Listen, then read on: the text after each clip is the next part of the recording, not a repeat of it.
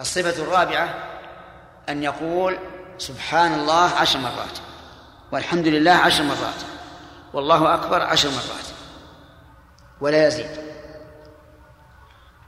الصفة الخامسة ذكرها بعضهم أن يقول سبحان الله 11 مرة الحمد لله 11 مرة والله أكبر 11 مرة. لكن الصحيح أن هذه لم ترد لم تثبت عن النبي صلى الله عليه وسلم وإنما هي تفسير لبعض الرواة وليس مصيبة. فالوجوه كم؟ أربعة.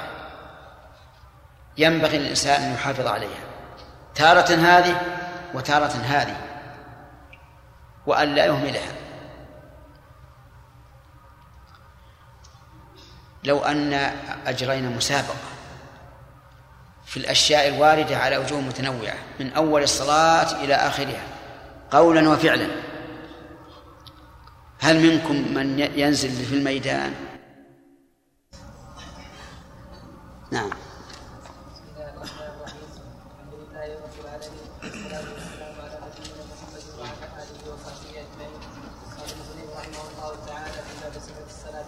فصل ويكره ويكره في الصلاة التفاته ورفع بصره إلى السماء وتغميض عينيه وإقعاؤه وافتراش ذراعيه ساجدا وعبده وتقصره وتروضه وترقعة أصابعه وتشبيكها بس آه، في المناسبة ألقي آه، سؤال في اختبار اختبار الطلبة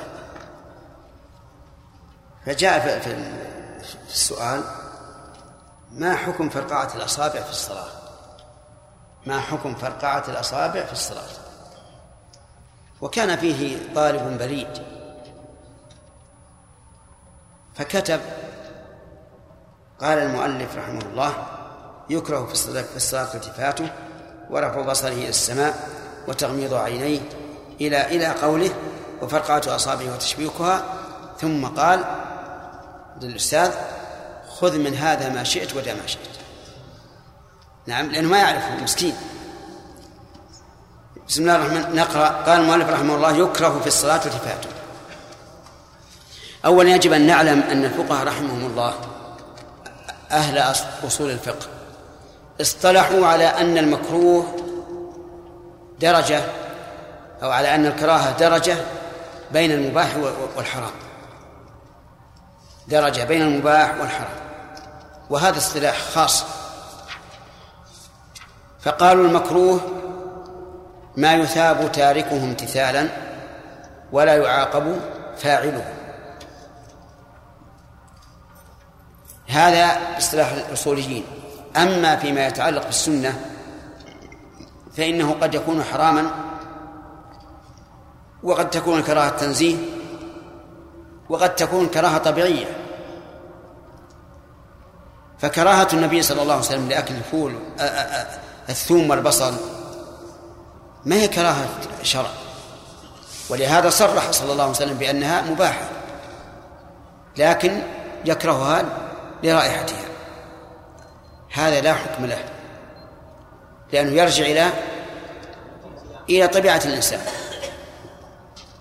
والكراهة التي يراد بها آه، الكراهة التنزيه آه، هي التي لا لا لا يعاقب من فعلها. مثل كراهة قيل وقال. وكثرة السؤال إذا لم يصل إلى درجة التحريم. والكراهة التي بمعنى التحريم وهي الأكثر مثل قوله تعالى حينما ذكر المحرمات قال كل ذلك كان سيئه عند ربك إيش؟ مكروها يعني حرام. طيب. هنا إذا رجعنا إلى اصطلاح الفقهاء نقول يكره في الصلاة التفاته. إذن الالتفات ليس حراما. ولكن ولكنه مكروه.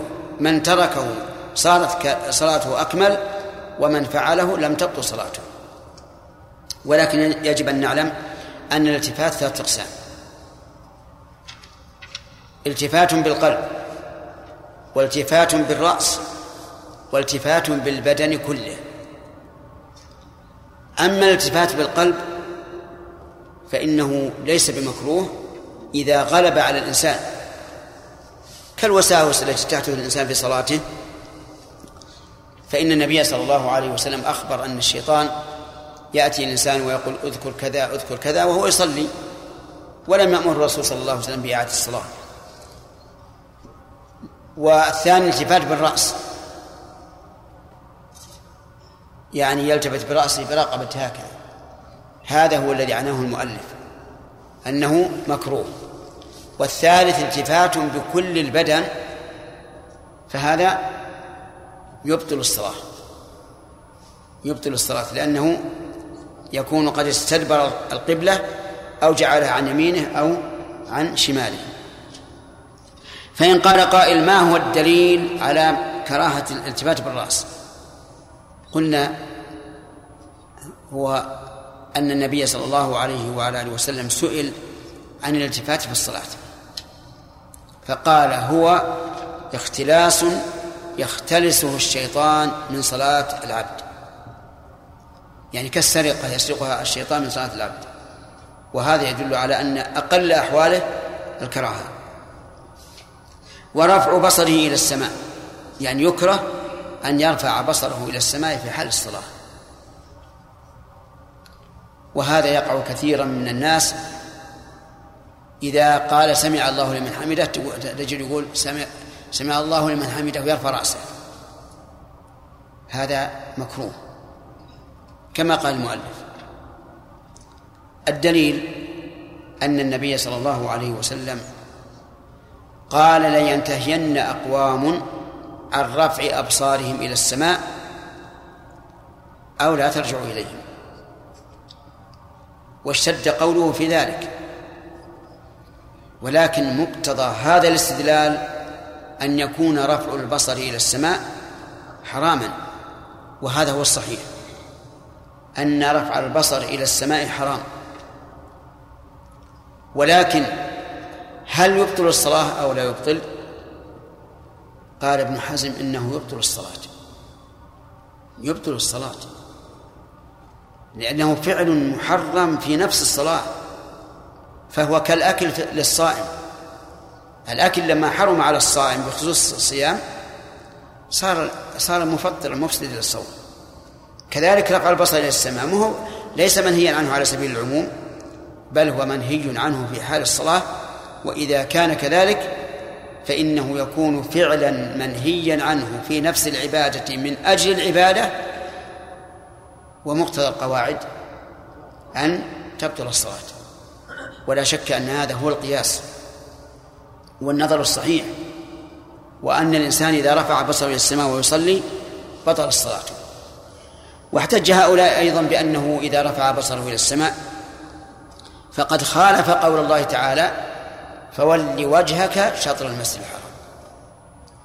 لأن هذا ولى وجهه السماء ولم يول وجهه شطر المسجد الحرام. فيكون الدليل في الآية والحديث. وهذا هو الصواب. أن من رفع بصره إلى السماء وهو يصلي فإن صلاته تبطل. ثم هو أيضا في سوء أدب مع الله. المطلوب منك وأنت بين يدي الله أن تكون ذليلا خاضعا رأسك. أما أن ترفع رأسك إلى السماء وربما تكون في الليل وفيه النجوم تحس بالنجوم. كم عدد النجوم؟ هذا لا شك أنه يؤدي إلى التلهي عن الصلاة إذن الصواب قول المؤلف أو خلافه؟ خلافه. أن رفع البصر إلى السماء محرم مبطل للصلاة. ولكن لو كان الإنسان جاهلا فإن صلاته لا تبطل. على القاعدة المعروفة أن فعل المحظور مع الجهل إيش؟ عجيب يا جماعة يعفى عنه. يعفى عنه ولا يؤثر. وتغميض عينيه. أيضا يكره للمصلي أن يغمض عينيه. إلا لحاجة. لأن ذلك فعل اليهود. ولأن العينين له لهما عبادة. العينان لهما عبادة. ما العبادة؟ النظر إلى موضع السجود أو إلى الإشارة في الإصبع في حال التشهد والجلوس بين السجدتين. لأن المشروع في حال الإشارة في الإصبع أن تنظر إلى إشارتك. فإذا أغمضت عينيك فاتتك هذه السنة. ولكن قلت إلا لحاجة. ما الحاجة؟ الحاجة أن يكون مثل يمر بين يديك أناس. لو فتحت أشغلوك. أو أمامك مثلا نقوش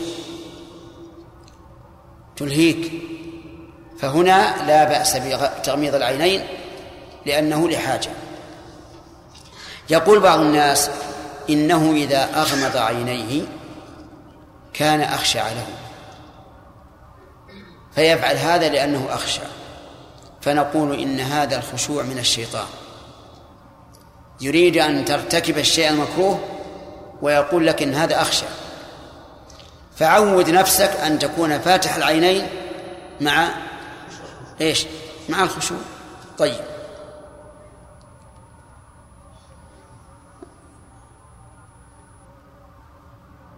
سبق لنا أن بعض العلماء يقول إذا كنت تصلي في المسجد الحرام وأنت تشاهد الكعبة فالأفضل أن تنظر إلى الكعبة وبينا هناك أن هذا قول ضعيف جدا. وإقعاؤه إقعاؤه يعني أن يجلس مقعيا وكيفية الإقعاء أن يقول هكذا. يضع يديك كذا. لأن هذا هو إقعاء الكلب. والنبي صلى الله عليه وسلم قال الإقعاء كإيقاع الكلب. تنصب الفخذ والساق وتجلس على ألية وتضع يديك على الأرض. هذا هو المكروه. أما الإقعاء الذي هو نصب القدمين والجلوس على العقبين. فهذا أيضا على مذهب الحنابلة رحمهم الله مكروه حتى بين السجدتين. ومن العلماء من قال إن هذا الإقعاء بين السجدتين من السنة كما جاء ذلك عن ابن عباس رضي الله عنهما.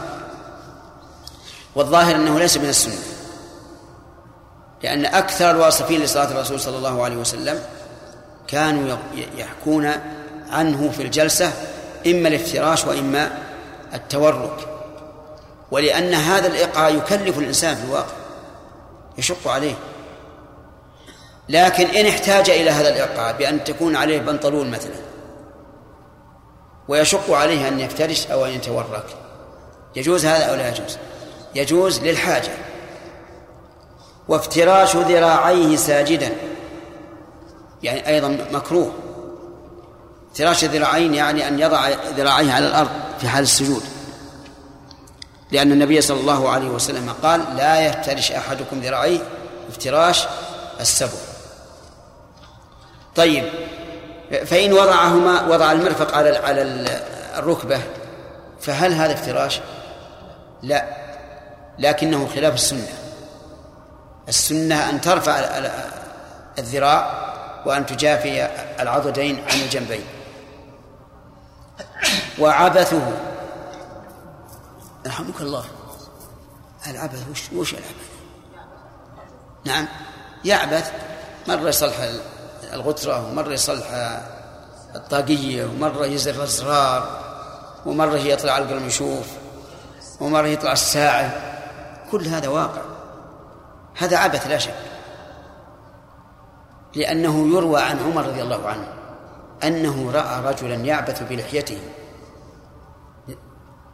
فقال لو خشع هذا قلبه لو خشع قلب هذا لخشعت جوارحه. نعم. فالعبث يدل العبث يدل على أن القلب غافل لأن حركة الجسم مبنية على حركة القلب. طيب بعض الناس يكون نسي شيئا. وتفطن له في الصلاة. وكان معه ورقة وقلم. فلما ذكر وهو يصلي أخرج الورقة والقلم وكتب. ماذا تقولون؟ يكره أو لا يكره؟ نعم. لا يكره. إن كان هناك ضرورة ما يكره وإلا فيكره. لكن إذا كانت المسألة علمية محتاج إليها وإلى تقييدها فلا بأس. لأن هذه حاجة. وكان أمير المؤمنين عمر رضي الله عنه كان يجهز جيشه وهو في الصلاة طيب. وتخصره. تخصره يعني وضع يديه على الخاصرة. كذا. هكذا. يكره أن يضع يديه على خاصرته. وجاء في الحديث أنه فعل اليهود. والرابع لا ما هو الرابع. تروحه. تروح يعني المروحة. في مروحة تنسج من الخوص. نعم يتروح بها الإنسان هكذا. هذا مكروه. لأنه عمل لا حاجة له. يشبه العبث. لكن لو احتاج إلى ذلك بأن كان رجلا لا يصبر على الحرب واغتم من شدة الحر وروح على نفسه فهذا جائز لا بأس به لأن هذه حاجة. وفرقعة أصابعه الفرقعة أن يضغط على الأصابع حتى يكون لها صوت مكروه لأنه عبث. وتشبيكها أن أي أن يدخل بعضها في بعض. تعرف تشبيك محمد خليل. ها؟ تعرفه ما هو كيف؟ بعضها ببعض هكذا. يكره. لأن النبي صلى الله عليه وسلم نهى عن ذلك. لكن مر علينا في سجود السهو. أن النبي صلى الله عليه وسلم حين سلم من ركعتين قام إلى خشبة في قبل المسجد وشبك بين أصابعه. فيقال هذا بعد الصلاة. والتشبيك المنهي عنه إما في الصلاة وإما قبلها لمنتظرها. وأن يكون حاقنا أو بحضرة طعام يشتهيه. أن يكون حاقنا وهو الذي حصره البول. وكذلك حاقبا وهو الذي حصره الغائط. وكذلك من حصره الريح. فهذه ثلاثة أشياء البول والغائط والريح. يكره للإنسان أن يصلي وهو على هذا على هذا الوجه حاقنا أو يمشي حاقبا أو محتبسا ريحه. إلى متى؟ حتى يقضي حاجته. حتى يقضي حاجته. لأنه إذا صلى على هذا الوضع عذب نفسه. والله عز وجل يقول ما يفعل الله بعذابكم إن شكرتم وآمنتم. ولأنه ينشغل به عن صلاته. ولكن المراد إذا كان حاقنا على وجه ينشغل به عن الصلاة. أما إذا كان مجرد إحساس بأنه محتاج فهذا لا يضر. ولهذا جاء في الحديث مدافعة الرغبتين مدافعة. لا صلاة بحضر الطعام ولا وهو يدافعه الأخبتان. أما مجرد الإحساس بأنك في حاجة فهذا لا يكره طيب أو بحضرة طعام يشتهيه نقول و... ها؟ إيش؟ صامتا إيش حاتم؟ حاقنا حاقنا لا حاقنا يا رجل سبحان الله أو بحضرة طعام يشتهيه بشرط أن يكون يحل له أكله. لأنه إذا كان ممنوعا منه شرعا فلا فائدة. لكن إذا حضر طعام وهو جائع ويتمكن من أكله لأنه ملكه ولأنه ليس صائما فهنا نقول لا تصلي. كل الطعام أولا ثم صل فإذا قال قائل تفوتني الصلاة؟ الناس الآن يصلون في المسجد والطعام أمامي وأنا مشتهيه. ماذا نقول؟ نقول كل الطعام ولو فاتتك الجماعة. وكان عبد الله بن عمر رضي الله عنهما وهو من أشد الناس حرصا على اتباع السنة كان يقدم له العشاء فيأكل وهو يسمع قراءة الإمام. ولهذا جاء في القرآن فإذا فرغت فانصب. فنقول قدم الأكل ثم صل. طيب كذلك أيضا في مسألة الحقن. إذا قال الإنسان إنه حاقن يدافع الخبث لكن الصلاة أقيمت الآن. فماذا نقول؟ نقول اقضي حاجتك ولو فاتتك الصلاة. لا صلاة بحال الطعام ولا وهو يدافع الأخبثان طيب فإن قال قائل إنه يدافعه الأخبثان ويخشى إن قضى حاجته أن يخرج الوقت. فهل نقول, فهل نقول صلي ولو كنت مدافع الأخبثين حفاظا على الوقت أو نقول اقضي حاجتك؟ الثاني يعني حتى لو خرج الوقت كإنسان استيقظ من نومه قبيل طلوع الشمس وهو لم يصلي الفجر ووجد نفسه حاقنا. فهل نقول توض وصل أو نقول اقضي حاجتك وتوضأ وصل؟ الثاني. ولو خرج الوقت. لعموم قول النبي صلى الله عليه وسلم لا صلاة بحدث الطعام ولا وهو يدافعه الأخبثان. طيب إذا قدم الفطور للصائم وهو قد استيقظ بعد العصر والفطور جاهز ونفسه تتوق إليه هل نقول لا تصلي حتى تفطر وتأكل وصلي بعد غروب الشمس؟ لا. مو هذا مو هذا الطعام هذا. نعم. نعم لكنه لا يستفيد من تأخير الصلاة. لأنه لا يمكن أن يأكل. طيب إنسان مشتهي طعام. وجاء وجاء صاحب رجل من الناس وضع عنده كيس فيها خبز فيها فول فيها إيش نقول؟ عدس. المهم الرجل قدم هذا الطعام وضعه صاحبه أمامه وهو يشتهي هذا الطعام. هل نقول لا تصلي أو صل؟ نقول يصلي ولا ما يصلي؟ يصلي. لماذا؟ الطعام ليس له لا يملك أكله. ولهذا نقول بحاضر الطعام يشتهيه يزاد عليها إيه؟ ويحل له أكله. نعم. انتهى الوقت. نعم. ورقة إيش فيها؟ نعم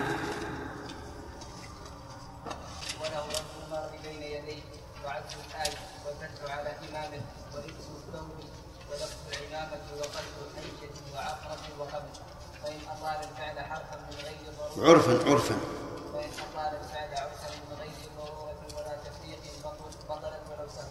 بسم الله الرحمن الرحيم ما هو الالتفات الذي يبطل الصلاة. نعم. التفات بالبدن عن القبلة. طيب الدليل؟ قوله تعالى فول وجهك شطر المسجد الحرام. وهذا خرج عن أن يولي وجهه شطر المسجد الحرام. طيب. تغميض العينين حكمه؟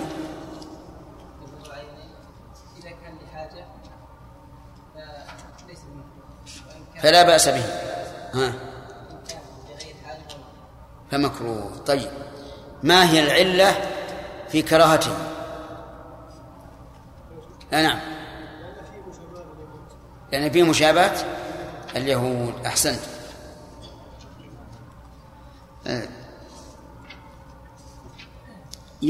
حكم التخصر في الصلاة.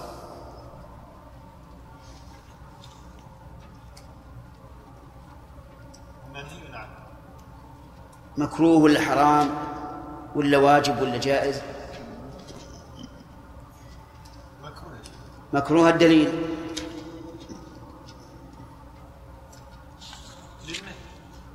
جيب الدليل. مكروه للنهي هذا ما, ما, نعم.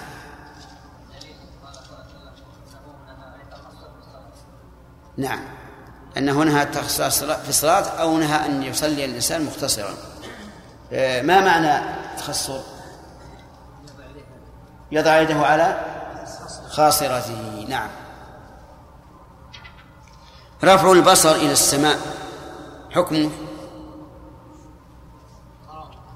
حرام. وعلى كلام المؤلف؟ طيب. آه، القاضي؟ هو مكروه ولا حرام على؟ حرام الراجح؟ انه حرام الدليل.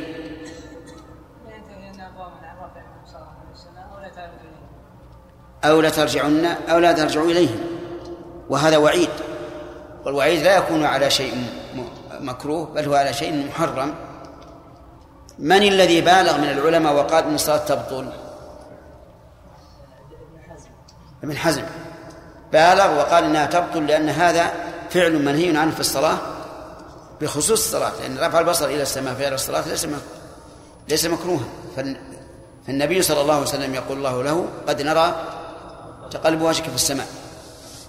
لكن في الصلاة منهي عنه والقاعدة أن ما نهي عنه في العبادة بخصوصها يبطلها.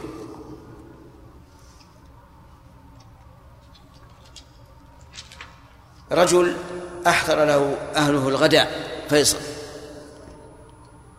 و وحضرت الصلاة.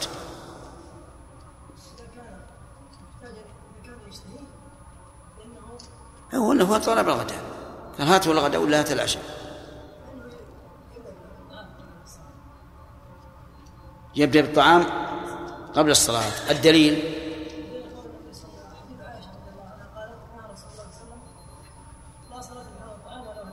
قول النبي صلى الله عليه وسلم لا صلاة بعد الطعام. ولا وهو يدافعه الأخبثان. تمام.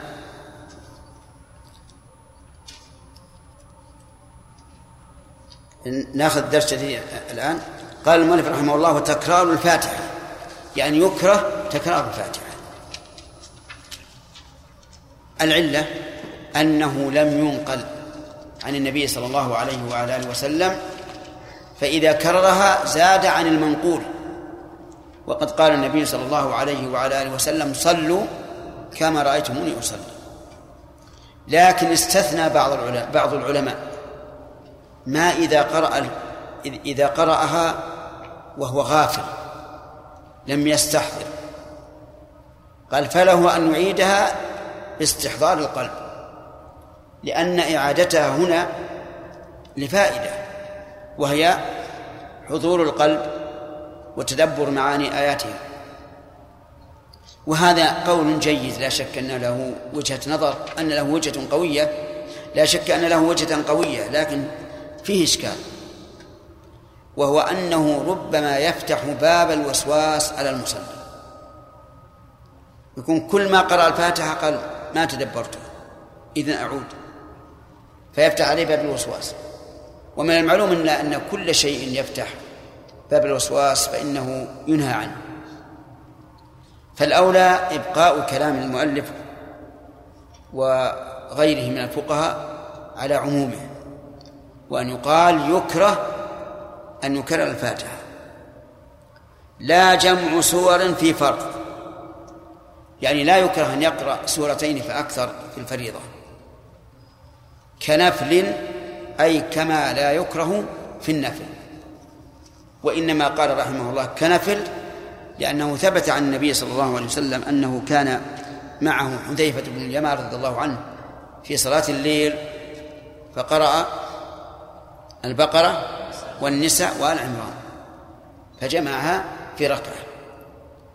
والأصل افتل القاعدة بارك الله فيك الأصل أن ما ثبت في النفل ثبت في الفرض وما ثبت في الفرض ثبت في النفل إلا بدليل. وقد أملينا عليكم الفرق بين الفرض والنفل فبلغ نحو نعم ثلاثين فرقا أو قريبا منها. نعم. طيب إذن لو جمع بين السورتين في الفرض يجوز أو لا؟ في النفل يجوز. الدليل حديث حذيفة. لكن إن كان إماما وخرج بجمع السورتين عن السنة فهو فإنه ينهى عنه. لأن النبي صلى الله عليه وسلم شدد في موعظة من, من, من زاد وأرشد إلى قراءة السور المتوسطة الذي إذا غشاها الشمس وضحاها وما أشبه ذلك. طيب. قال وله رد المار بين يديه. له إذا عبر الفقهاء بكلمة له فهذه العبارة تفيد الإباحة. يعني يجوز أن يرد المار بين يديه. يجوز أن يرد المار بين يديه. فإن لم يفعل فلا شيء عليه. لا إثم ولا نقص في صلاته إلا ما سنذكر إن شاء الله. وقال وقال بعض العلماء بل يسن رد المار بين يديه. وأنه مطلوب من المصلي أن يرد المار بين يديه. وقال آخرون بل يجب أن يرد المار بين يديه. وجوبا لأن النبي صلى الله عليه وسلم قال إذا صلى أحدكم إلى شيء يستره من الناس فأراد أحد أن يجتاز بين يديه. إيش؟ فليدفعه فإن أبى فليقاتله. فإنه شيطان. وهذا بقوته وقوة عبارته يدل على أن رد المار إذا كان على الإنسان إذا كان الإنسان سترة واجب. وهذا القول ليس ببعيد من الصواب.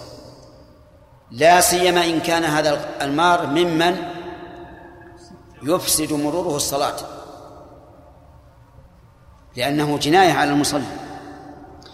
وظاهر كلام المؤلف أن أنه يرد المار سواء كان له سترة أم لا. لكن إن كان له سترة فإنه يمر من مر بينه وبينها.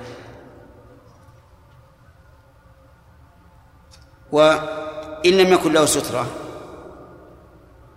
فإن كان له مصلى خاص كما يفعل الناس الآن وش المصلى الخاص؟ السجاد. فإنه يرد من مر على هذه السجادة إذا لم تخرج عن العرف. وإن لم يكن له سجادة فقيل إن له من قدميه إلى ثلاثة أذرع. من قدميه إلى ثلاثة أذرع. هذا قول وهذا هو المذهب. يعني ترده إذا مر بين يديك وبينك وبينه ثلاثة أذرع من من القدمين. ثلاثة أذرع يمكن مترين أو, أو قريبا منه طيب لكن هذا إذا قلنا به فإنه يلزم من هذا أن أن المصلي يخطو خطوات. يخطو خطوات حتى يرده. مع أن هذه الخطوات لا حاجة لها لأنه بعيد منه. وقيل ما بين يديه مقدار رمية حجر. رمية حجر إذا صار الإنسان قوي. وين يكون؟ نعم؟ كيف؟ مئة متر؟ هذا المشكلة. معناه مئة متر بين يدي المصلي محجوز؟ هذا ضعيف لا شك فيه. وقيل العرف. يعني ما قال الناس إن هذا الرجل قريب من المصلي وأنه مار بين يديه فإنه يرده وما جرى وما قال الناس إنه بعيد منه فلا يرده هذا نوعا ما قريب. والقول الراجح في هذا أنه ما بين مسجده وقدمه. ما بين مسجده وقدمه. يعني منتهى جبهته له له الحق فيه لأن المصلي له الحق فيما تحت قدميه إلى جبهته ما حد يجي. هذا هو القول الراجح. أن ما بين يديه وما بين موضع قدميه وموضع جبهته. إلا إذا كان له سترة أو كان له مصلى خاص فحسب ما, ما, ما كان له. طيب. وظاهر كلام المؤلف أنه يرد سواء وضع سترة أو لا. وهذا هو الصحيح. وقد فعل ذلك ابن عمر رضي الله عنهما. فمنع من أراد أن يمر بين يديه وهو لم يتخذ سترة. وله رد المار بين يديه. طيب. إذا المسألة, المسألة فيها ثلاثة أقوال. في مسألة رد المار. الإباحة والسنية والوجوب. نعم. وعد الآن. له عد الآن. بماذا يعدها؟ بأصابعه. لأنه روي في ذلك عن النبي صلى الله عليه وسلم حديث لكن في صحته نظر. وعد الآية في الغالب لا يحتاج إليه. وإذا لم يحتج إليه صار حركة الأصابع بالعد هي؟ عبثا لا داعي له.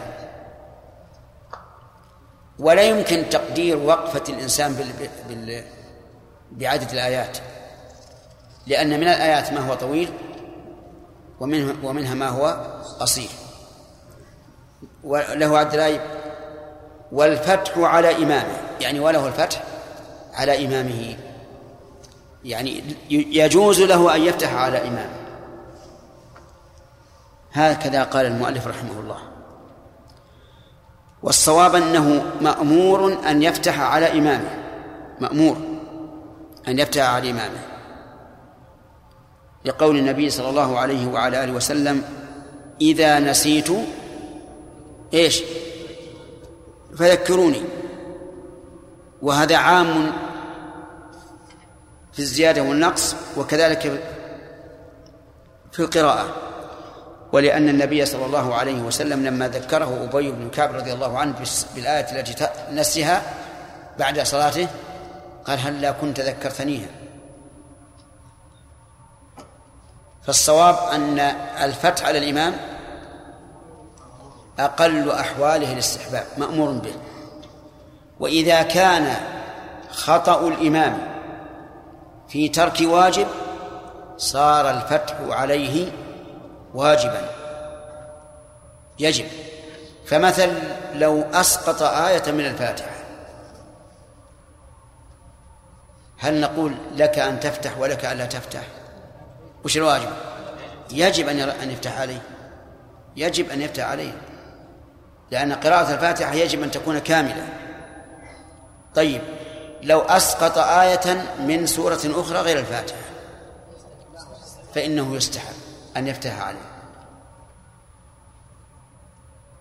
لكن لو قال إذا فتحت على إمامي في الآية التي نسيها تلخبط. فإن بعض الناس إذا رديت عليه ويقرأ ضاع كل اللي عنده. قام يقرأ الآية اللي قبلها والآية اللي بعدها ويغير في الآيات. فهل نقول في مثل هذه الحال لا نفتح عليه؟ نعم نقول هكذا. لأن القاعدة عندنا أننا لا نفعل شيئا يكون وسيلة إلى ما هو أردى منه. هذه قاعدة معروفة عندكم وعند جميع العلماء. يدل عليها قول الله تعالى ولا تسبوا الذين يدعون من دون الله فيسبوا الله عدوا بغير علم. وهذا في غير الفاتحة. الفاتحة لابد أن يرد عليه لأن قراءتها ركن. طيب. إذا فتحنا على الإمام ولم يفهم مثل أن يكون زاد قام إلى زائدة قام إلى زائدة فتحنا عليه ما فهم. فهل لنا أن نتكلم معه؟ بكلام يفهمه. أو أو لا. لا. ما نتكلم. لأن لو تكلمنا لبطلت الصلاة لكن نأتي بما يدل على ذلك مثل أن نقول يا أيها الذين آمنوا اركعوا واسجدوا.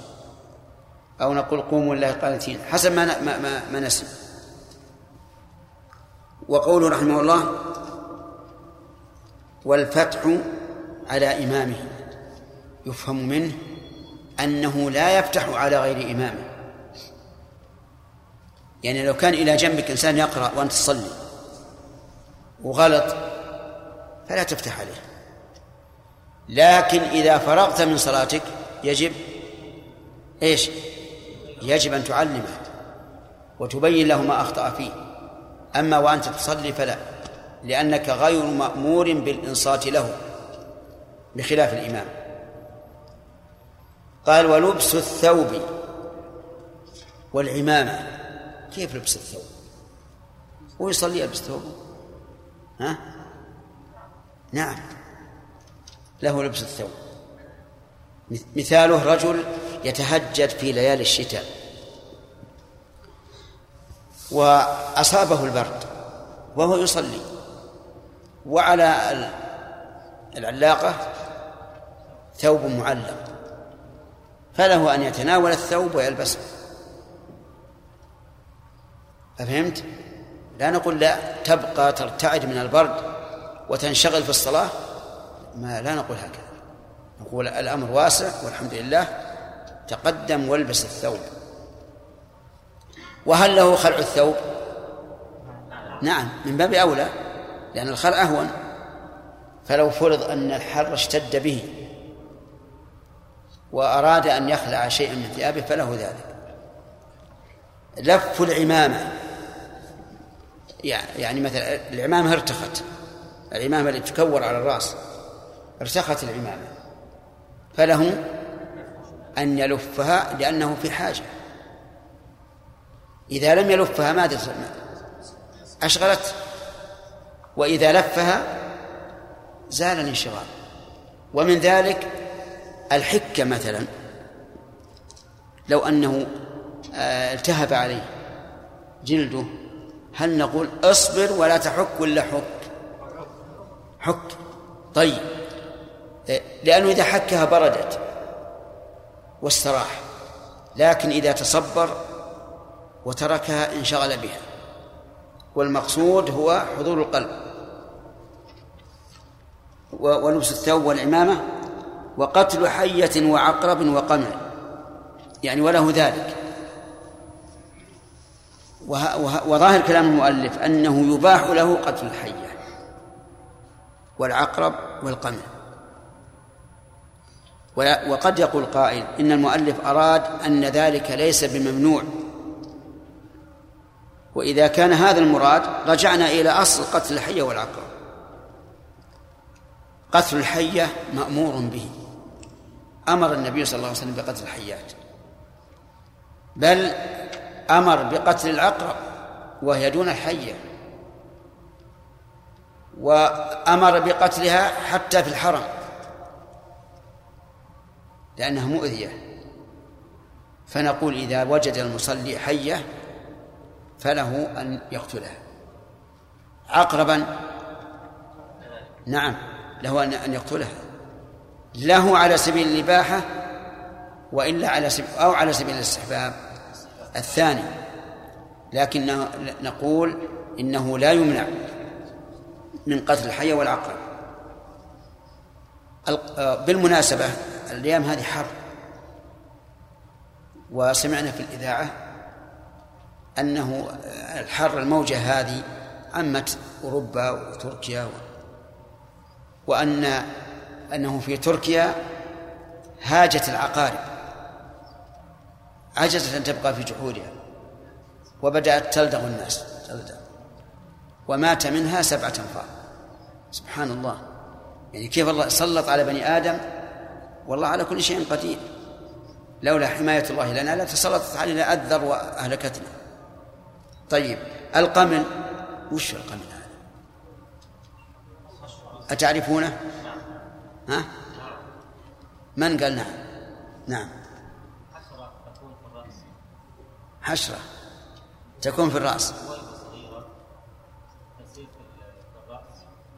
هو عن حشرة. نقول بويضة الآن؟ ها؟ ها؟ دويبة. نعم دويبة صغيرة تكون الرأس وتأخذ من الرأس تأخذ شعر. تأخذ شعرا. لا تأخذ من لحم الرأس. ها؟ في جلد الرأس. تأخذ إيش؟ تأخذ جلد؟ تأخذ منه. من الجلد. سبحان الله. يقول لها منقار تغرزه في الرأس. والله أقول هذا التعريف طورها خلاها. تعريف بالمهمة طيب وش تقول يا سليم؟ هو الدويبة الصغيرة لما ذكر لك انها تمص صحيح. هي ما تقلع الجلد لكنها تثقب الجلد وتمص الدم وهي صغيرة جدا يعني صغيرة ما, ما يمكن ما تعرفون آه، حبة إيش؟ الخردل لا لا لا لا صغيرة جدا سمسم تقريبا صغيرة تكون في الجلد في الرأس كما في حديث كعب بن عشرة. قال حملت إلى النبي صلى الله عليه وسلم والقمل يتناثر على وجهه. وتكون أيضا في الجسم. تكون في الجسم في في اللباس في القميص في السروال ولكنها تقرص الإنسان تسحب منه الدم. إذا أحس بالقملة وهو يصلي هل له أن يقتلها؟ نعم يقتلها. طيب. إذا كانت رويانة من الدم لأن هي مثل التانك. قبل لا تمص الدم خفيفة جدا ما فيها شيء. إذا مصت ما شاء الله انتفخت. فإذا إذا قتله سيكون في في أصابعه دم. نعم. ها؟ نقول أما على القول بأن دم الآدم طاهر فلا إشكال في ذلك. وأما على القول بأنه نجس فهذا يسير. يسير, يسير جدا ما يضر. نعم. يا سعد لا تطول عن التعريفات.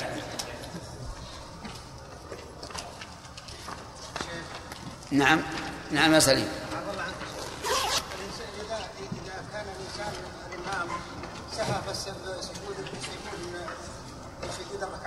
ها؟ السجود يشكل على الامام اذا كان سهى عند السجدات سجد الامام من سجدات الركعه يعني سهى تركها ولا ولا زادها؟ سهى عنها تركها. تركها. تركها ما سهو هي القصد تركها سهوا ها. ليش؟ بعض الناس يخاف أكثر التشويش عليه كان مثل الانسان يقول سبحان ربي الاعلى لا بأس طيب. لا بأس. يعني يذكره بالذكر الوارد فيها. لا بأس طيب. وكذلك في الركوع. هذا جيد. ها؟ يقول سبحان الله. هذا السنة. ولكن إذا لم يفهم أحيانا ما يفهم ما أدري وش وش العلم. نقول مثل ما قال الأخ سليم نذكر الذكر الوارد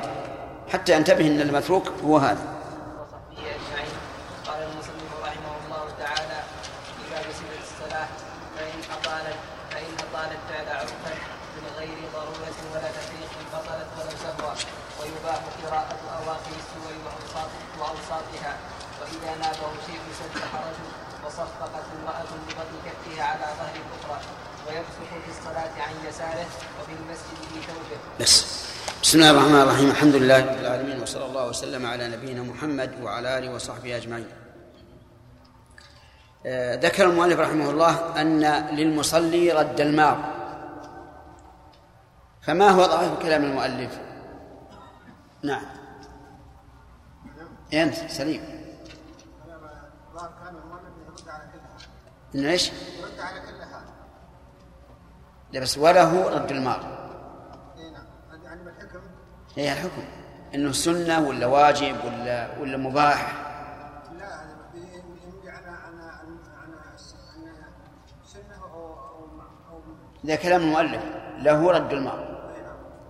وش ينبي عليه؟ على إنه مباح. تمام. آه، هل هناك قول آخر؟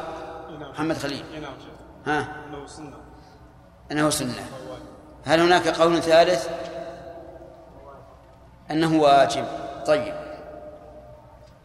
آه، على القول بأنه واجب هل يجب وإن لم يكن للإنسان سترة أو لا يجب إلا إذا كان له سترة يلا يا فيصل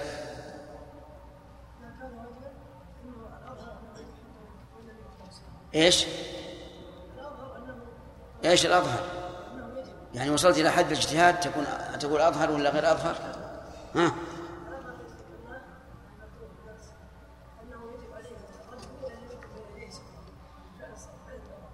إيه؟ يعني الراجح أنه يرد سواء كان بين يديه سترة أو لا. طيب. وبعض العلماء يقول لا يجب إلا إذا كان بين يديه سترة لقوله صلى الله عليه وعلى آله وسلم إذا صلى أحدكم إلى شيء يستره من الناس فأراد أحد أن يجتهد بين يديه. إيه، بماذا؟ ما الذي يبطل الصلاة مروره أو ما أو ما ما وصلنا ما وصلنا قول المؤلف رحمه الله له الرد على الفتح على إمامه هل هو على على إطلاقه؟ ارفع يدك لا اللي وراك. ها؟ على إطلاقه. الفتح على الإمام على الإطلاق. يعني يجوز أن تفتح ويجوز أن لا تفتح. لا لا ليس على الإطلاق. كيف يجب؟ أحيانا يكون واجب واحيانا يكون أحيانا يكون متى يكون واجبا؟ ها؟ يعني إذا أخل بما يجب. إذا أخل القاعدة عشان الفاتحة الركوع السجود. إذا أخل الإمام بما يجب وجب الفتح وإن أخل بما لا يجب لم يجب. لكن الأفضل الفتح. طيب إذا كان الإمام لو أن فتحنا عليه لارتبك ارتباكا أكثر. يلا يا محمود هل نرد عليه؟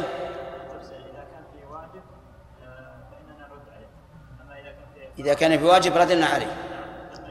كالفاتحة مثلا. نرد طيب. اما إذا كان في قراءه غير الفاتحه لا إذا كان في غير واجب. ف- فاننا لا نرد عليه حتى ها. لا يزداد نعم. تمام المؤلف يقول- له لبس الثوب له لبس الثوب هل هذا على إطلاقه؟ نعم يعني. ها؟ يعني يجوز لبس ثوبك مثلا واحد يصلي ودخل كان يصلي بالأول بثياب عادية يوم دخل الناس راح ولبس الثياب الثانية يصلح ويصلي. توافق توافقون على هذا؟ لا لا ما يوافق على هذا. لكن له ذلك إذا احتاج إليه. إما كما قلنا إما شدة برد نعم أو شدة حر فيما إذا خلعه.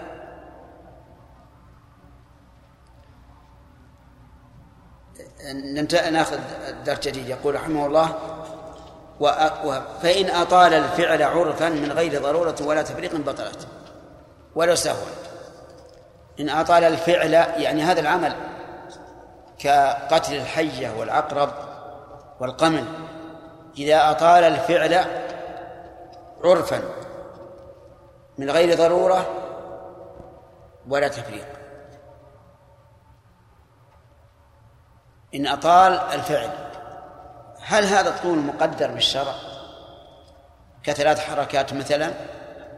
لا بالعرف. وكيف نقدره بالعرف؟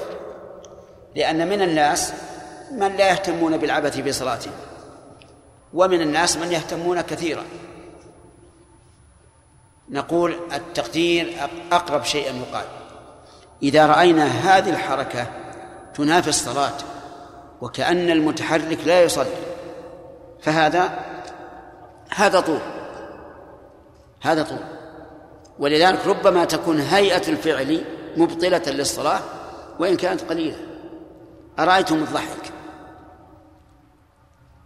لو ضحك الإنسان وهو يصلي تبطل الصلاة أو لا؟ تبطل ولو قليلا لأن الضحك ينبي عن عدم الصلاة. بخلاف حركته في يديه أو في رجليه مثلا فهذا لا بد أن يطول وقول من غير ضرورة فإن كان لضرورة فإنه فإن الصلاة لا تبطل. لو فرضنا أن الحية هاجت عليه وصارت عليه واحتاج إلى عمل كثير يدافع عن نفسه فإن الصلاة لا تبطل. حتى لو انصرف عن القبلة ليأخذ الحجر أو ليأخذ العصا فالصلاة لا تبطل لماذا؟ لأن هذا ضرورة. وقد قال الله تعالى فإن خفتم فرجالا أو ركبانا. ومعلوم أن الراجل الذي يمشي على رجليه يتحرك حركات كثيرة. طيب الشرط الرابع ولا تفريق. الشرط الثالث ولا تفريق. يعني لم يفرق الأفعال. فإن تحرك في الركعة الأولى ثم الثانية ثم الثالثة ثم الرابعة.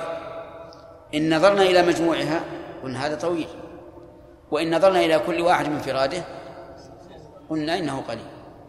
فهل نقول الاعتبار بالمجموع أو نقول لما تفرقت الأفعال صار لكل فعل حكم نفسه؟ الجواب الثاني. ولهذا قال ولا تفريق.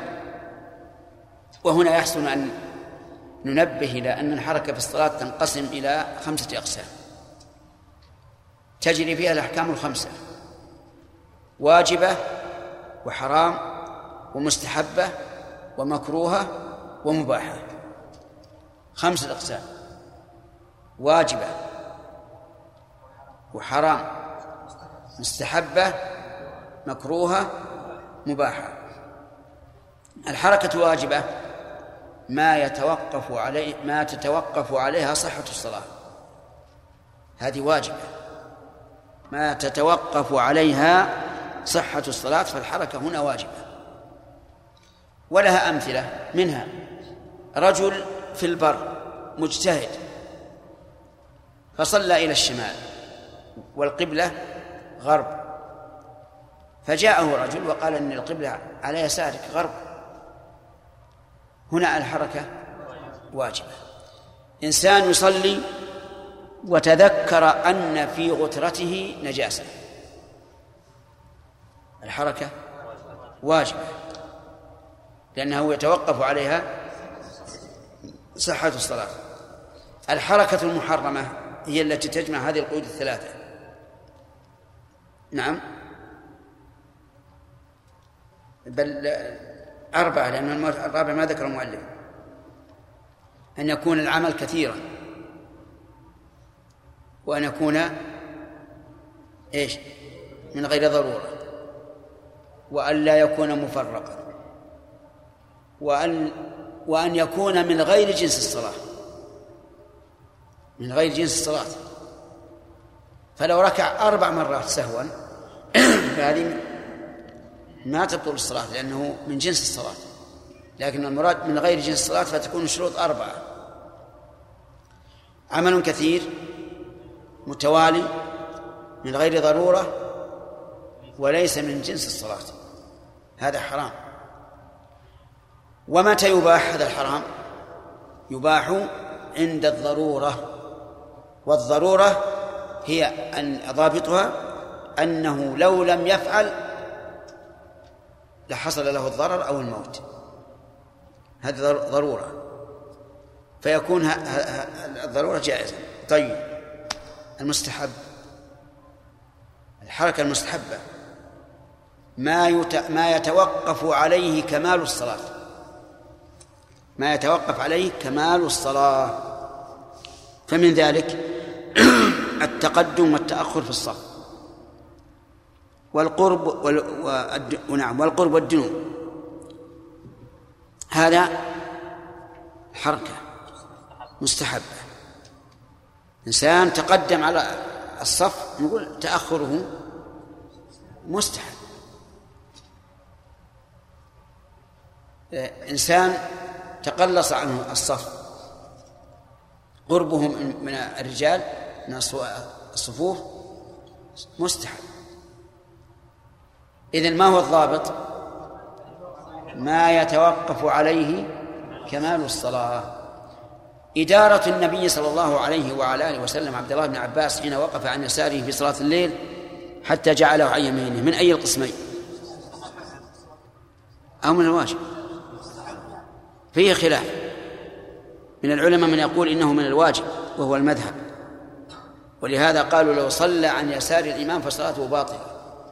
والصحيح أنه من المستحب. الصحيح أنه من المستحب. لأن هذا مجرد فعل والفعل المجرد لا يدل على الوجوب. كما هي قاعدة معروفة بأصول الفقه أن فعل النبي صلى الله عليه وسلم مجرد لا يدل على الوجوب. بقي عندنا المكروه. المكروه كل عمل لا تدعو إليه الحاجة. ولا يتوقف عليه فعل واجب ولا فعل مستحب هذا مكروه. والمباح اليسير الذي تدعو الحاجة إليه هذا مباح. طيب ما رأيكم في في الحكة؟ إذا اشتب عليه الجلد هل نقول من الحركة المستحبة أو المباحة؟ حكة. من المستحبة. لأنه لا شك أنه إذا بردت عليه الحكة حضر قلبه أكثر واطمأن. فهيجان الحكة على الإنسان الذي الذي التي يسمونها الحساسية لا شك أنها تشغله. فهي كالصلاة في حضر الطعام في حضر الطعام أو مع مدافعة الركبتين الحركات كم؟ خمسة أقسام. قال ولو سهوا يعني إذا تحرك حركة كثيرة لغير ضرورة متوالية ولو سهوا بطلت الصلاة.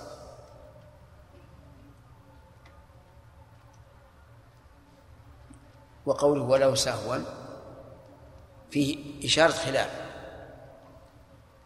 لأن بعض العلماء يقول إذا كان سهوا فإنها لا تبطل الصلاة. لأن الحركة من باب فعل أتم المحظور. وفعل المحظور يسقط من إثمه وحكمه بالنسيان أو الجهل. فالمسألة إذن فيها قولان يعني لو صار الإنسان آه، غفل وصار يتحرك كثيرا ناسيا. فالمذهب أن الصلاة تبطل. وعللوا ذلك بأن هذا مفسد للصلاة فاستوى عمده وسهوه كما لو أحدث الإنسان في صلاته. لو أحدث الإنسان في صلاته يعني سهى وهاجت عليه الريح فأحدث. ناسيا لأنه لو ذكر أنه في صلاة لحبسها لكن نسي وأطلقها. فهل تبطل الصلاة؟ تبطل.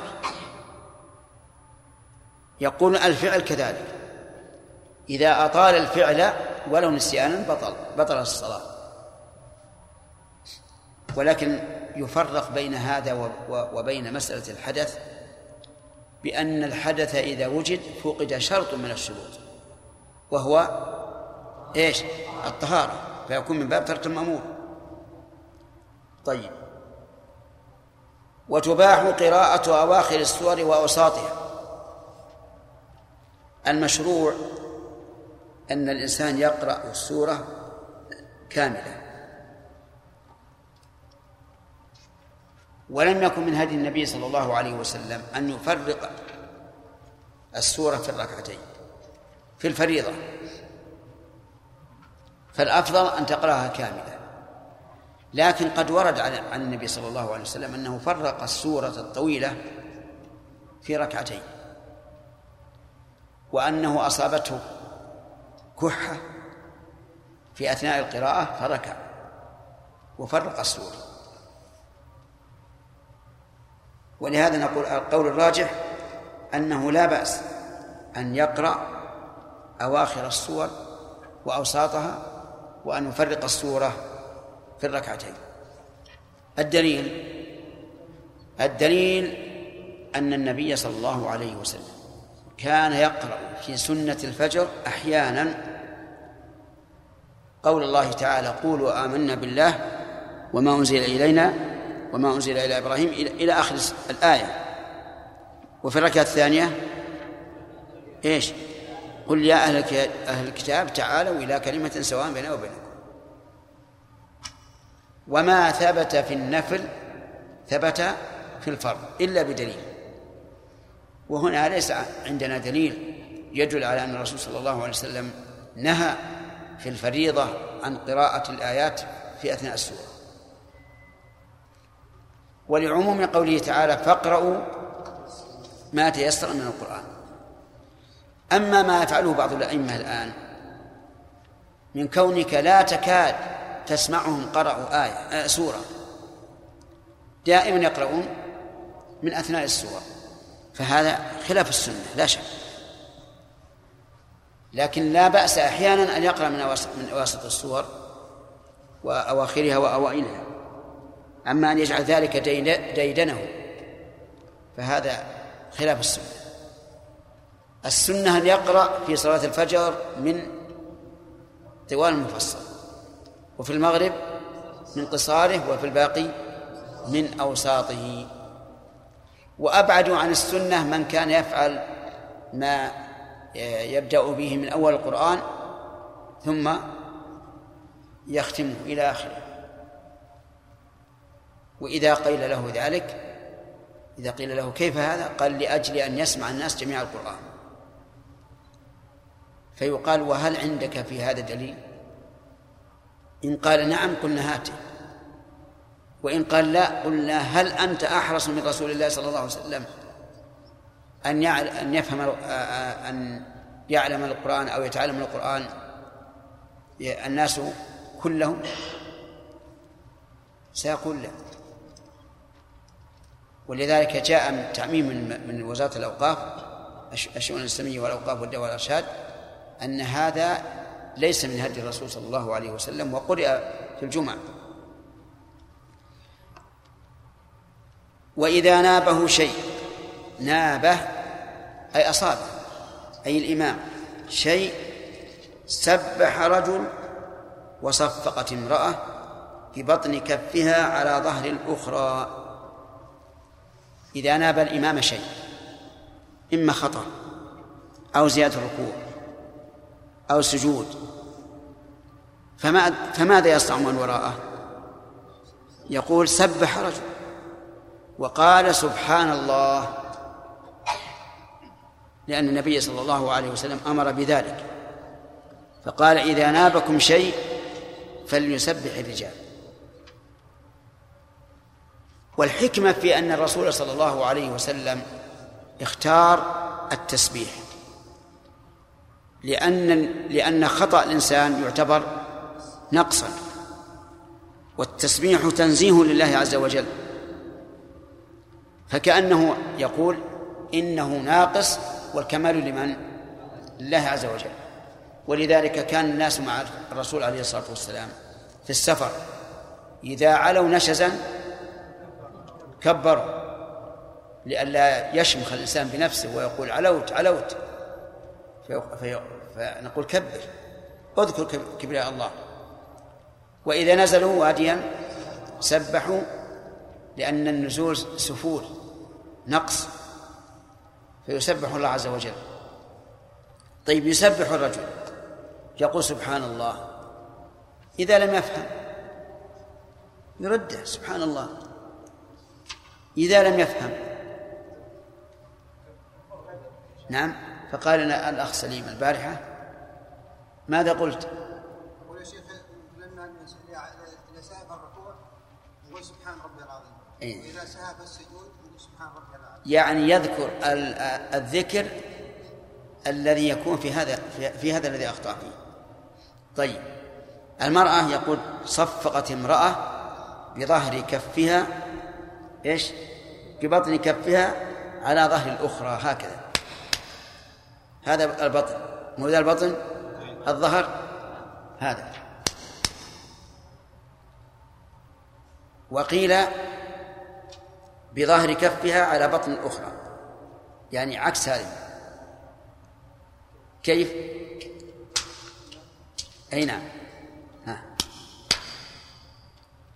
وقيل ببطن كفها على بطن الأخرى نعم؟ هكذا. نعم؟ أي نعم. الواقع أن هذا يعود للعادة. ما في شيء بالسنة. الرسول قال تصفق النساء. فإذا كنا في بلد من عادتهم أن أنهم يصفقون هكذا. ببطنها على الظهر. أو بظهرها على البطن. أو بالبطن على البطن. عملنا بالعادة. عملنا بالعادة. وإلا فالإنسان مخير. لأن هذه ليس فيها توقيف. طيب والتصفيق للرجال هل هو من المنهي عنه أو لا؟ يقال لا ليس من المنهي عنه. لأن النبي صلى الله عليه وسلم أذن للنساء بالتصفيق ولو كان التصفيق منهيا عنه لذاته لنهي عنه الرجال والنساء. لكن النساء أمرن بالتصفيق لئلا تظهر أصواتهن. وظهور أصواتهن في الصلاة قد يكون فتنة. فلذلك أمرنا بالتصفيق. أما الرجال فأمروا بالتسبيح لأنه وإن ظهر صوته لا لا يضر. ولهذا جاء في بعض ألفاظ الحديث إذا نبكم شيء في الصلاة فليسبح الرجال ويصفق النساء. وعلى هذا فلا يظهر لي أن التصفيق عند الإعجاب بالشيء يكون مكروها لا سيما في تعليم الصغار. الصغير اللي في الابتدائي إذا أصاب في الجواب ثم صفقوا له إيش؟ يكاد يطير من الفرح. لكن لو قال ما شاء الله جيد جيد يعني ما يقابل بالحماس. وأما استدلال بعضهم بكراهة التصفيق نعم استدلال بعضهم على كراهة التصفيق بقوله تعالى وما كان صلاتهم عند البيت إلا مكاء وتصدية. فيقال نعم إذا استبدل الإنسان التسبيح والتهليل والتكبير والقراءة بالتصفيق والصفير فلا شك أن هذا من فعل الجاهلية. لأن الله يقول وما كان صلاتهم عند البيت إلا مكاء وتصدية فهم يتعبدون بذلك. فمن تعبد به فهو مشابه للمشركين. وأظن بعض الفرق المبتدعة تصفق في الذكر. نعم؟ صحيح. أي نعم صحيح.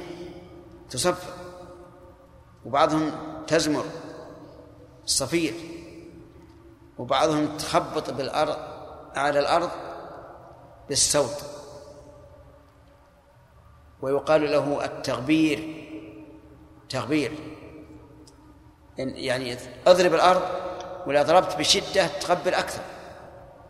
فيقولون إن الذي يضرب بشدة عند الذكر يدل على عمق آه، العبادة. ولهذا يضرب بشدة. حتى يطير الغبار. وسمعنا أيضا أن بعض الناس من المبتدعة يرقصون عند الذكر. صح؟ صحيح. إذا تصفيق ورقص وصفير وتغبير. بعد طبول. ها؟ أعوذ بالله. على كل حال كما سمعتم لا يظهر التشديد أو القول بالكراهة فيما إذا صفق الإنسان عند الإعجاب. قد يقول قائل هذه العادة مأخوذة من الكفار فتكره للتشبه. قلنا إنما حرم لعلة زال بزوالها. فإذا انتشر الفعل في المسلمين وصار المسلمون يفعلونه كما يفعل الكفار وليس محرما لذاته. زال التشبه. وإذا زال التشبه زال زال الحكم. على آله وصحبه أجمعين. قال المسلم رحمه الله تعالى في باب سنة الصلاة ويخطط في الصلاة عن يساره وفي المسجد في ثوبه وتسن صلاته وتسن صلاته إلى سترة صلاته صلاته. عندي كآخر مؤخر عندكم؟ طيب. صلاته إلى قائمة كمؤخرة الرحل فإن لم يرد شاخصا فإلى بمرور كلب أسود بهيم فقط وله التعبد عند آية الوعيد. والسؤال عند آية رحمة ولو بفرق بسم الله الرحمن الرحيم. الحمد لله رب العالمين وصلى الله وسلم على نبينا محمد وعلى آله وصحبه أجمعين. هل يتعين التسبيح عند ما ينوب المصلي المصلي شيء أو يجوز أن ينبه بشيء آخر؟ يتعين. طيب لو تعين لو نحنح. لا يجوز.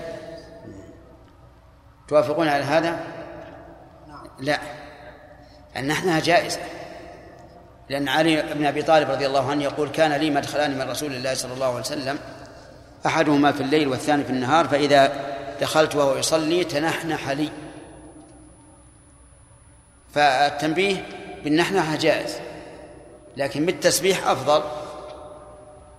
طيب لماذا جعل التسبيح للرجال والتصفيق للنساء؟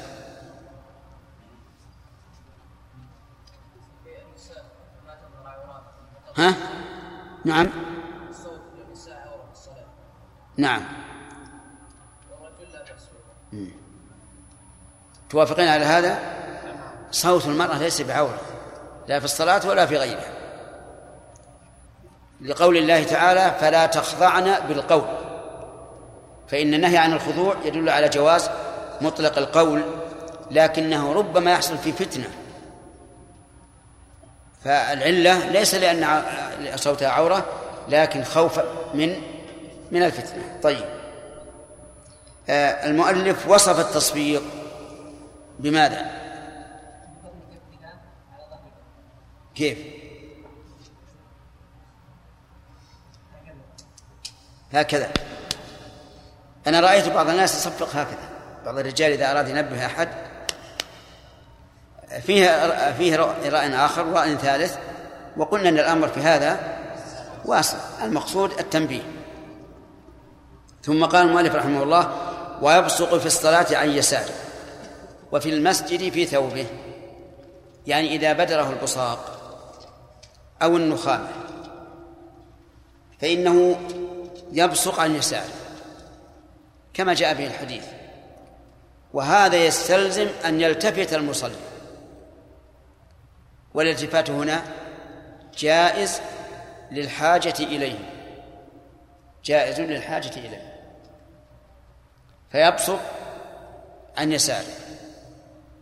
ويجوز أن يبصق تحت قدمه كما جاء به الحديث أيضا. في المسجد يقول إنه يبصق في ثوبه. لماذا؟ لأنه لو بصق عن يساره وقع البصاق في المسجد. وهذا تلويث وإهانة للمسجد. ولهذا قال النبي صلى الله عليه وعلى آله وسلم البصاق في المسجد خطيئة. البصاق في المسجد خطيئة. يعني أنه إثم. طيب وأيضا في محذور آخر. إذا كان في جماعة وهو في الصف إذا بصق عن يساره أين يقع؟ على الذي عن يساره فيكون فيه محذور آخر. إذا يبصق في ثوبه والمراد بالثوب هنا القميص الغترة الرداء الإزار حسب ما حسب ما يتيسر له.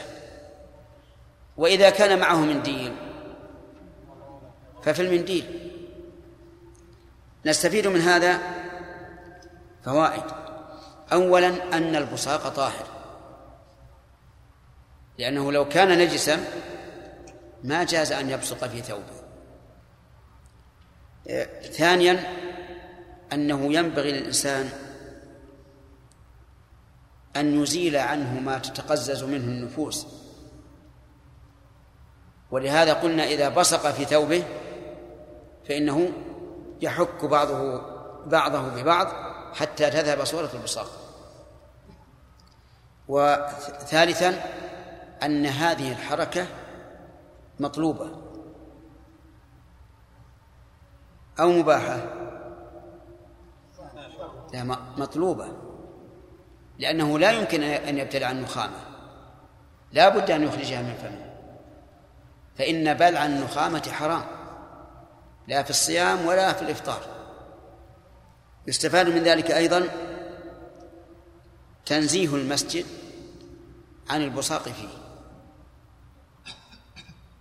فإن قال قائل ألم يقل النبي صلى الله عليه وسلم البصاق في المسجد خطيئة وكفارتها دفنها قلنا بلى. لكن إثبات أنها خطيئة يدل على التحريم أو على الأقل الكراهة. أما بيان دواء هذه في قوله وكفارتها دفنها فلا يدل على الجواز. أرأيت مثل الجماع في نهر رمضان؟ خطيئة. وفي كفارة. هل نقول يجوز للإنسان أن يجامع ويكفر؟ لا يجوز. وعلى هذا فالبصاق في المسجد إما محرم أو مكروه. قال وتسن صلاته إلى سترة قائمة. تسن صلاته. الصلاة هنا بمعنى أن يصلي. فهي مصدر وليس المراد به أفعال الصلاة. المراد المصدر. يعني يسن أن يصلي إلى سترة.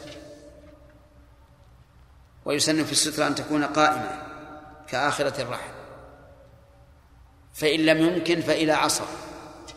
فإن لم يمكن خط خطا كما ذكر المؤلف. فإن لم يجد شاخصا فإلى خط. أفادنا المؤلف رحمه الله أن الصلاة أن الصلاة إلى السن إلى السترة سنة. لكن في حق من؟ في حق الإمام وحق المنفرد.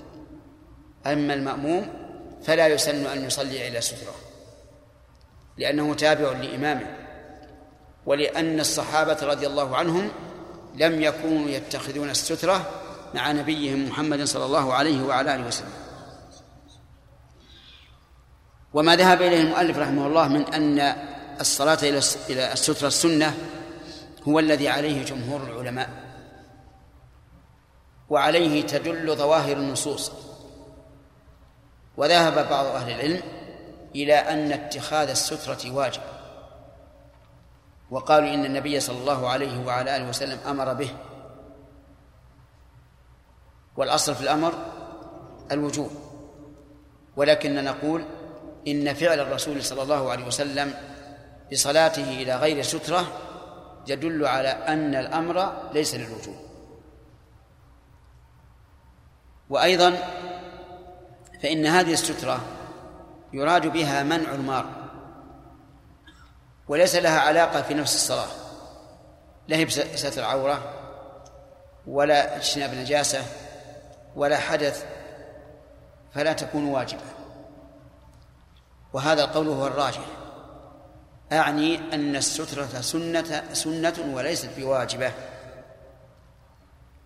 ولكن لها آداب.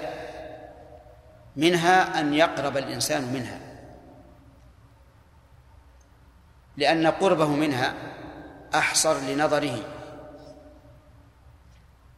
ولئلا يتحجر مكانا يحجزه عن غيره. لأنك لو أبعدت الستر عنك فما بينك وبين سترتك لا يجوز لأحد أن يمر به. فلتكن السترة على قدر حاجتك. وعلى هذا فنقول يسن للإنسان أن يقرب من سترته بقدر إيش؟ بقدر حاجته. نعم. آخرة الرحل تقريبا ثلث ذراع. ثلثا ذراع. وقد تصل إلى الذراع. وهي عبارة عن عود ما فيه خشبة. يجعلها الراكب خلف ظهره ليتكئ ليستند إليها. وكانوا يستعملونها فيما سبق لكن الآن أتى الله بهذه السيارات كفاية عنها. فإن لم يجد شاخصا وهذا يشمل الشاخص الصغير والكبير فل فإلى خط يعني فليخط خطا. وهذا في المساجد الرملية أو الحصباوية واضح يمكن أن يخط خط. لكن في مثل مساجدنا اليوم فرش لا يمكن أن يخط خطا. ولا يكفي هذا الخط الملون لأن هذا الخط الملون مجرد تلوين وليس ليس له جرم. بخلاف الخط في الرمل أو في الحصباء فإنه ينحفر ويكون له جرم. فإن لم يجد شاخصا فإلى خط. وتبطل يعني الصلاة بمرور كلب أسود بهيم فقط. تبطل الصلاة سواء كان فريضة أو نافلة بمرور كلب أسود. مرور يعني عرضا بمعنى أن يأتي من اليمين إلى الشمال أو من الشمال إلى اليمين. آه، إذا مر بينك وبين سترتك أو مر بينك وبين موضع سجودك إن لم يكن لك سترة. وقول كلب أسود يعني لونه السواد لونه السواد. بهيم أي خالص السواد. ليس ليس مع هذا اللون شيء. لأن البهمة تطلق بمعنى العدم. ومنه الحديث أن الناس يحشرون يوم القيامة حفاة عراة غرلا بهما. بهما يعني ليس معهم شيء. فالبهيم معناها أنه, أنه ليس مع سواده لون آخر. وقوله فقط التفقيط هنا ليخرج المرأة والحمار. ليخرج المرأة والحمار. فعلى هذا يكون ما ذهب إليه المؤلف رحمه الله أن المرأة والحمار لا تبطل الصلاة بمرورهما بل الكلب الأسود البهيم. واستثنى بعض العلماء من البهيم ما كان فوق عينيه نقطتان بيضاوان. فإن هذا لا يضر بمعنى أنه يقال إنه بهيم ولو كان فيه هاتان النقطتان لأنه لو سألت الناس ما تقولون في هذا في هذا الكلب لقالوا لقالوا أسود. وقوله فقط هذا مذهب المؤلف وهو المذهب والصواب أن الصلاة تبطل بمرور الكلب الأسود والمرأة البالغة والحمار سواء كان صغيرا أو كبيرا أسود أو غير أسود. المرأة لا بد فيها من أن تكون بالغة لأنه في بعض ألفاظ الحديث المرأة الحائض يعني التي بلغت سن محيض. ف... وعليه فالذي يبطل الصلاة ثلاثة الكلب الأسود البهيم والثاني المرأة البالغة والثالث الحمار مطلقا. فإذا قال قائل ما الحكمة من هذا؟ لماذا تبطل الصلاة بمرور هذه الأشياء؟ فالجواب أن بعض العلماء يقول إن ذلك تعبدي. أي نتعبد لله به؟ وإن لم نعرف الحكمة. ولا شك أن هذه علة حقيقة علة صحيحة. علة التعبد لله لا شك أنها علة صحيحة. ولهذا لما سئلت عائشة ما بال الحائض الصوم دون الصلاة؟ قالت كان يصيبنا ذلك فنؤمر بقضاء الصوم ولا نؤمر بقضاء الصلاة. وبعضهم قال إن, إن هذا معلل. أما الكلب الأسود فقد علله الرسول عليه الصلاة والسلام. حين سئل ما بال الأسود من الأحمر من الأبيض؟ فقال الكلب الأسود شيطان. شيطان يعني أنه شيطان الكلاب وليس شيطان الجن. ولهذا نسمي الرجل المجرم شيطانا. وهو شيطان إنس. شيطان إنس كما قال الله عز وجل إيه، وكذلك جعلنا لكل نبي عدوا شياطين الإنس والجن. يوحي بعضهم إلى بعض زخرف القول غرورا. المرأة البالغ المرأة البالغ تقطع الصلاة العلة لأن مرورها قد يأخذ بقلب المصلي. ولا سيما إن كانت زوجته أو كانت امرأة جميلة. بقينا بالحمار. وش العلة فيه؟ العلة لأن الحمار من أقبح من أقبح الحيوانات من أقبح الحيوانات وأبلدها وأنكرها صوتا. فإن كانت هذه العلة فهي العلة وإن لم تكن فالعلة أن النبي صلى الله عليه وسلم أخبر بذلك ونقول سمعا وطاعة وذهب بعض العلماء إلى أن الحمار والمرأة لا يقطع الصلاة كما هو المذهب. استدلوا بما لا دلالة فيه. بالنسبة للمرأة استدلوا بإنكار عائشة. أنكرت عائشة أن تكون المرأة تقطع الصلاة. وقال شبهتمونا بالكلاب. لقد كنت أنام معترضة بين يدي الرسول صلى الله عليه وسلم وهو يصلي. فأنكرت واستدلت. أنكرت بعقلها رضي الله عنها وهذا في الواقع غير مقبول. لأن معارضة النص بالقياس لا تجوز. استدلت بدليل أنها كانت تنام معترضة بين يدي الرسول صلى الله عليه وسلم وهو يصلي.